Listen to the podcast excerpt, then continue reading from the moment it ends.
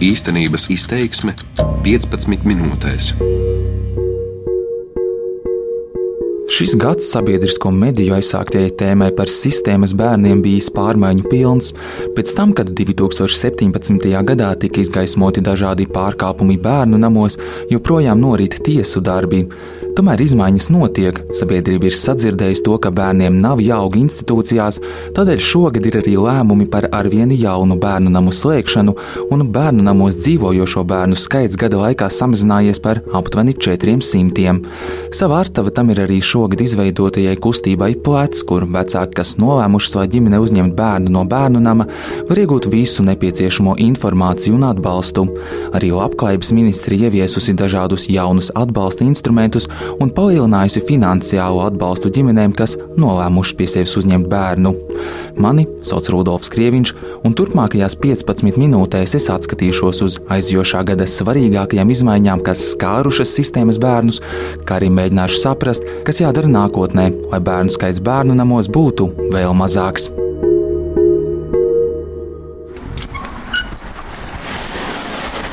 Kad vēlā decembra pēcpusdienā ierodos kapseļu ielas bērnu namā, ārā ir jau satumsis. Iejot piesnigušajā pagalmā par rūpīgi no sniega notīrītu taciņu, dodos uz galveno ieju. Kapseļos bērnamā man uzreiz sagaidās vadītāja Ilze Dzēne. Jā, Viņa smaidīgi sniedz man roku un aicina iet tālāk. Iejot bērnamā, viss ir gaišs, plaša uzgaidāmā telpa. Nu pat bērnama bērniem, darbiniekiem un tām ģimenēm, kas pie sevis uzņēmušas bērnus, noslēdzies Ziemassvētku pasākums. Dzene ar prieku saka, koncerts notika ārpus bērnu nama telpām, un tur uzstājās daudzi Latvijā zinām mūziķi. No pasākuma Ilzas kabinetā sanesti pāri palikušie gardumi, piparkūkas, mandarīni, dažādi dzērieni, arī kāda dāvana, kuru nepaspēja vēl pasniegt šeit dzīvojošajam bērnam. Ļoti, tiešām ļoti skaists pasākums bija. Viņi arī bija rūpējuši par cienestiem. Kapseļos bērnamā, jeb pilnajā nosaukumā valsts sociālās aprūpes centra Rīga, filiālē Rīga, dzīvo bērni, kuriem konstatētas garīgas vai fiziskas problēmas. Šobrīd šeit mitinās 40 bērnu, vēl pērn vairāk nekā 50. Ilze Dzene par kapseļu bērnu nama vadītāju kļuva pēc tam, kad pēc konstatētiem pārkāpumiem no amata tika atstādināta iepriekšējā bērnu nama vadītāja, un Dzene no aprūpētājas kļuva par iestādes vadītāju. Man personīgi šis gads ir bijis uh, smagu izaicinājumu gads. Un caur šiem smagiem izaicinājumiem ir arī notikušas ļoti pozitīvas lietas. Viņa atzīst, ka šis sistēmas bērnu jomā bijis pārmaiņu gads, un pozitīvākais visā ir tas, ka vairāki kapseļu ielas bērni šogad mājas atraduši. Un šīs ģimenes ir bijušas tāds brīnišķīgs paraugsms visiem. Un kā šīs ģimenes ir satikušas bērnus, un kā bērns ir saticis šīs ģimenes, tas ir tas pozitīvais, kas ir noticis šajā brīdī šeit, kapseļu ielā. Bērnam šogad kļuvuši arī atvērtāki sabiedrībai. Ja vēl pavisam nesen tā bija vieta, par kuru mēs zinājām ļoti maz, dzīvē tur ielūkoties gandrīz nebija iespējams, tad šobrīd tie ir atvērti sabiedrībai. Bērnu namā katru mēnesi tiek rīkot arī atvērtie pasākumi. Tas rada atvērtību. Tādā veidā vairāki bērni ir, ir atraduši ģimenes un ģimenes bērnus, ne tikai filiālē Rīga, bet arī citās filiālēs, jo mēs aicinām arī citu filiāļu bērnus pie mums no valsts aprūpas centriem ne tikai no Rīgas, arī no Liepājas un Daugopils, bet um, tā ir maza daļa.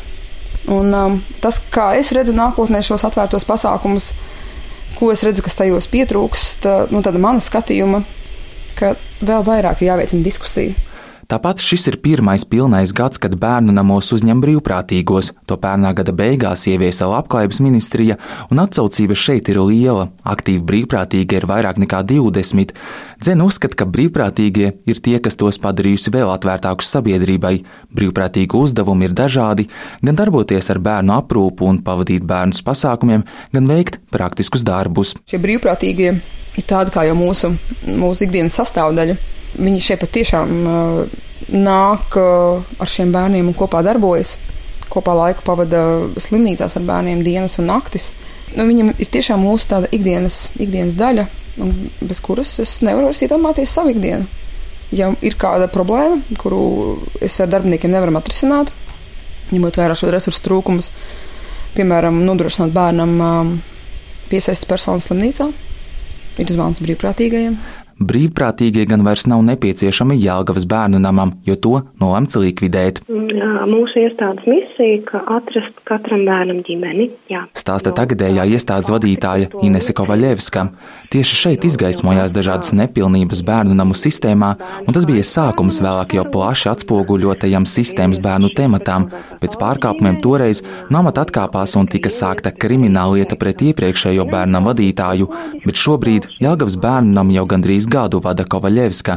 Viņa stāsta, ka ja pērn bērnu namā bija ap 50 bērnu, tad gada laikā izdevies to samazināt tik tālu, ka to uzturēt vairs nav nepieciešams. Aizbildnībā tika nodot septiņi bērni. Daudz bērnu atgriezās pie bioloģiskiem vecākiem - 13. Tika atrasts auģu ģimenes deviņiem bērniem, adaptēti trīs. Divas ģimenes mums dzīvo ciematā, un septiņi bērni ir sasnieguši pilngadību šī gada laikā, un četri bērni no tiem vēl uzturās iestādē un gaida pašvaldības dzīvokli. Kovaļevska gan neslēpj, ka tieši uz tādu mērķi arī gāja, lai bērniem nebūtu jādzīvo institūcijā, bet tie būtu pie ģimenes. Šogad ir lēmts, ka slēgs bērnu namu stīkli Vēncpils novadā, jo tur lielākā daļa dzīvojošo bērnu bija no Rīgas, ne Vēncpils novada. Pēc slēgšanas gada nogalē Rīgas domas sola šiem bērniem nodrošināt grupu dzīvokļus lielu artavu tam, lai arvien vairāk bērnu nebūtu jādzīvo bērnu namos un tos slēgt vēl biežāk, ir pēc 2017. gada labdarības maratona dot pieci izveidotajai kustībai plēc. Tā mūsu lielā ambīcija pagājušajā gadā visu uzsākot bija panākt to, ka eh, nevis ir viena ģimene uz sešiem bērniem, bet seši ģimenes uz vienu bērnu. Stāsta pleca strateģiskais vadītājs Jānis Sērts. Viņš saka, lai to panāktu, bija arī jāmaina sabiedrības domas par bērnu namiem. Paši atceramies, ka īstenībā tikai pirms pusotra gada bija normāli, bieži vien, kad pat politiķi teica, ka bērnams arī ir risinājums. Un sabiedrība, iedomājoties par bērniem, pirmkārt domāja, kādu rotaļlietu aizvest. Tomēr šā gada laikā tas ir kardināli mainījies, secināts. Sabiedrība ir mainījusies, tā ir parādījusi, ka tā var mainīt sistēmu, un mēs varam panākt, ka bērnu nami vairs nav vajadzīgi. Jo šī gada laikā pat politiskie uzstādījumi, politiskie arī ministrijas mēķi ir mainījušies. Agrāk viņiem bija 20, 30 plānā panākt, ka 10% no apģimenes aprūpē esošiem bērniem bērnamos, tagad viņi ir pārmanījuši šo mērķu to, ka tiešām bērnam vairs nav vajadzīgi. Par šā gada paveikto runā arī skaitļi. Ja vēl pērn bērnu namos atradās aptuveni 1200 bērnu, tad šobrīd bērnu namos dzīvo no 800 līdz 900. Skaitļi ir tikai provizoriski, jo tos precīzi varēja zināt tikai gada sākumā, kad tos apkopo. Precīzu skaitļus gan zina kustība plēc. Tieši ar viņu palīdzību mājas šogad jau atraduši 60 bērni. Nopelns tam ir arī tas, ka ir mainījies veids, kā ģimenes bērnam bērnus satiek. No tā, kad agrāk tas bija bērniem traumatiski, caur tā teikt, dosie principu, ka tev atsūta bērnu dosie, un tu izvēlies, un, un, un lielā mērā, jo vecāks bija bērns, jo mazāk iespēja bija satikties uz, uz šo te. Šogad tas, ko pagājušajā gadā teica, ka nav iespējams, kad adopcijas process pat mainītos, pieeja, kas šogad ir mainījies, kā arī mēs esam panākuši, ka šogad nu jau vecāki tiešām vairs nav vieni. Mums ir 13 atbalsta centri pa visu Latviju. Plēc arī secinājis, ka šobrīd uzņemošās ģimenes vairs neatgriež bērnus atpakaļ bērnu namos. Ja vēl nesen katrs piektais bērns pēc dažiem mēnešiem atgriezās bērnu namā, jo auģu ģimene kādu iemeslu dēļ savas domas mainīja, tad šobrīd ar mentoru palīdzību šādu gadījumu vairs nav. Tāpat ir mainījies bērnu vecums, kuriem ir grūtāk atrast ģimeni. Joprojām vecāki lielākoties savā ģimenē vēlas uzņemt mazus bērnus, tomēr šobrīd Šobrīd vieglāk mājas ir atrast arī tiem, kas jau iet skolā. Ja agrāk bija nu, teiksim, tā, neformāli virs trīs gadiem jau bērnu tā, nu, teiksim, tā jau, jau, jau domāju, ka viņam tā teikt, cerības aizvien izgaist. Tad šobrīd, pamainot satikšanās procesu, veidojot viņu tādu, ka tiešām ir iespējams satikšanās brīnumam, vecums palielinās līdz 8 līdz 10 gadiem. Nu, jau mēs esam iegriezuši to, ka izteikt bērniem līdz sešiem, septiņiem gadiem jau sāk parādīties vecāku rinda. Un plats secinājis arī to, ka ir mainījies ģimenes profils, kas nolēma uzņemt pie sevis bērnus no sistēmas. Plats, mentoru programmas koordinatore Āja Zosola ir tā, kas redz jaunās ģimenes, kuras ir gatavas uzņemt pie sevis bērnus, un secinājusi, ka vairāk kļūst ģimeņu, kas līdz šim nav bijis sa saistīts ar sistēmu, ne ar ārpus ģimenes aprūpas iestādēm. Tas nozīmē, ka šo problēmu ir sadzirdējušas arī tās ausis, kuras iepriekš par sistēmas bērniem nebija tik daudz dzirdējušas. Zosula arī norāda, ka auģu ģimenes kļūst gados jaunākas. Ja līdz šim cilvēki bija tādos jau, kuri ir izaudzinājuši savus bērnus, kuri jutās pārliecināti, kuriem ir darba pieredze, kuri bieži vien ir saistīti ar sistēmu vai nu internātu skolas pedagogu vai bērnam darbinieku, tādi pieredzējuši un jūtas sevi spēkus, tad šobrīd tie ir gados jaunāki cilvēki. Tikmēr Ilze Dzene no kapseļos bērnu nama secinājusi, ka jā, ir cilvēki kļuvuši atvērtāki, tomēr bērns ar kustību vai garīgajiem traucējumiem joprojām lielākoties gatavs pieņemt ir pieredzējušas ģimenes. Filiāle Rīga, ar ko mēs esam sastapušies, ka te lielākoties ir jau auģu ģimenes, kurām ir e, ilgstošā laikā jau bijuši bērni vairāki, un, e, un ir arī ģimenes, kuras e, ilgi ir domājušas par šo izvēles ceļu. Un, tad viņi ir sapratuši, ka tas, tas brīdis ir pienācis, karjeras punkti ir sasniegti, māja ir uzcelta, mēs esam atvērti. atvērti bērniem, lai viņus audzinātu savās mājās. Tomēr Dzena uzsver, ka nozīmīgs ir fakts, ka vispār ģimenēs arvien vairāk nonāk arī bērni ar invaliditāti. Tas nozīmē, ka sabiedrība ir uzrunāta un tas zina, ka bērnamos dzīvo arī bērni ar dažādām veselības problēmām. Sabiedrība ir uzrunāta ne tikai ar bērniem, kuri, kuri ir tad, nu, tad tipiski bērni, kuriem nav invaliditātes, bet šie visi bērni, kas ir devušies šī gadā ģimenēs, ir bērniem visiem bijusi invaliditāte. Lūk, Latvijas iedzīvotājs ir nonācis līdz tam, līdz tādai personības nobriešanai, ka viņš var savās mājās uzņemt bērnu ar invaliditāti. Turklāt Zene uzsver, ka īsā laikā ir pazudis aizspriedums, ka bērnu ar invaliditāti var, eh, piemēram, adaptēt tikai un vienīgi uz ārzemēm. Nē, no filiāls Rīga nav neviens bērns šī gadā, gadā devies uz ārzemēm. Neviens no ārzemēm nav izrādījis iniciatīvu par šiem bērniem. Un šie bērni, kas ir šī brīdī mūsu ģimenēs Latvijā, viņi visiem šiem bērniem ir bijuši adopcijas eh, lēmumi uz ārzemēm. Viņi, par viņiem nav izrādīta interese. Par bērnu namiem un tur mītošajiem bērniem augstākajā līmenī atbildīga ir labklājības ministrija. Tā vērš uzmanību, ka šogad, lai sniegtu nepieciešamo palīdzību bērnu aprūpes ģimeniskā vidē nodrošināšanai, ir ieviesti vairāki jauni atbalsta instrumenti, kā arī palielināts finansiālais atbalsts.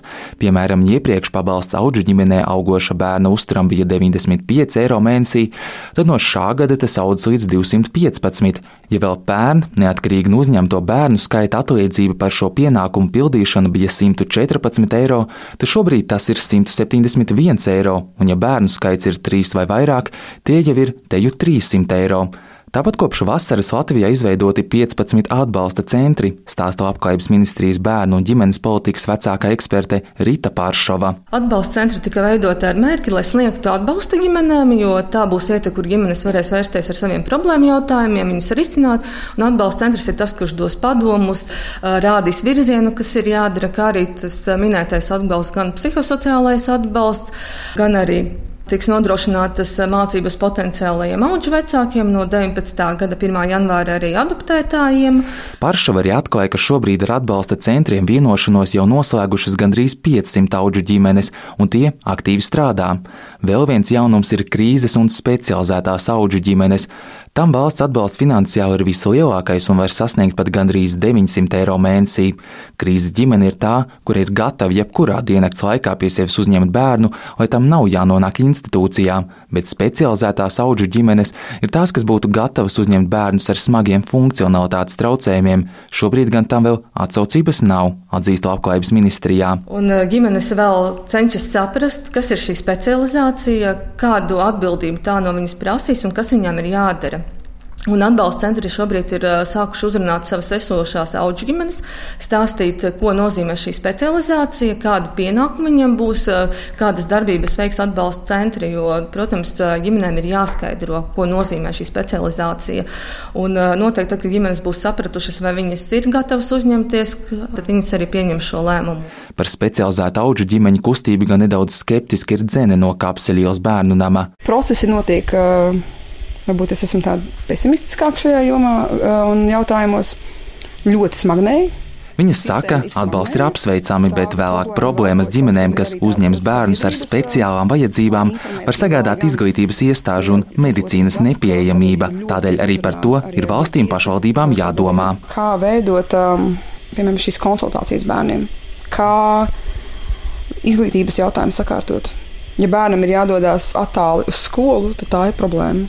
Ja bērnam veselības un medicīnas aprūpas jautājums ir nodrošināt attālināti, tā ir liela problēma. Visam jābūt tādā ērti sasniedzamā attālumā, lai šis bērns un šī ģimene, kas ir svarīgākais posms tajā, justu nepārtrauktu atbalstu. Šobrīd ir cerība, ka izveidotie atbalsta centri gūs to ģimeņu, kas pie sevis bērns uzņēmuši uzticību, lai vismaz konsultācijas un atbalsts būtu tuvumā.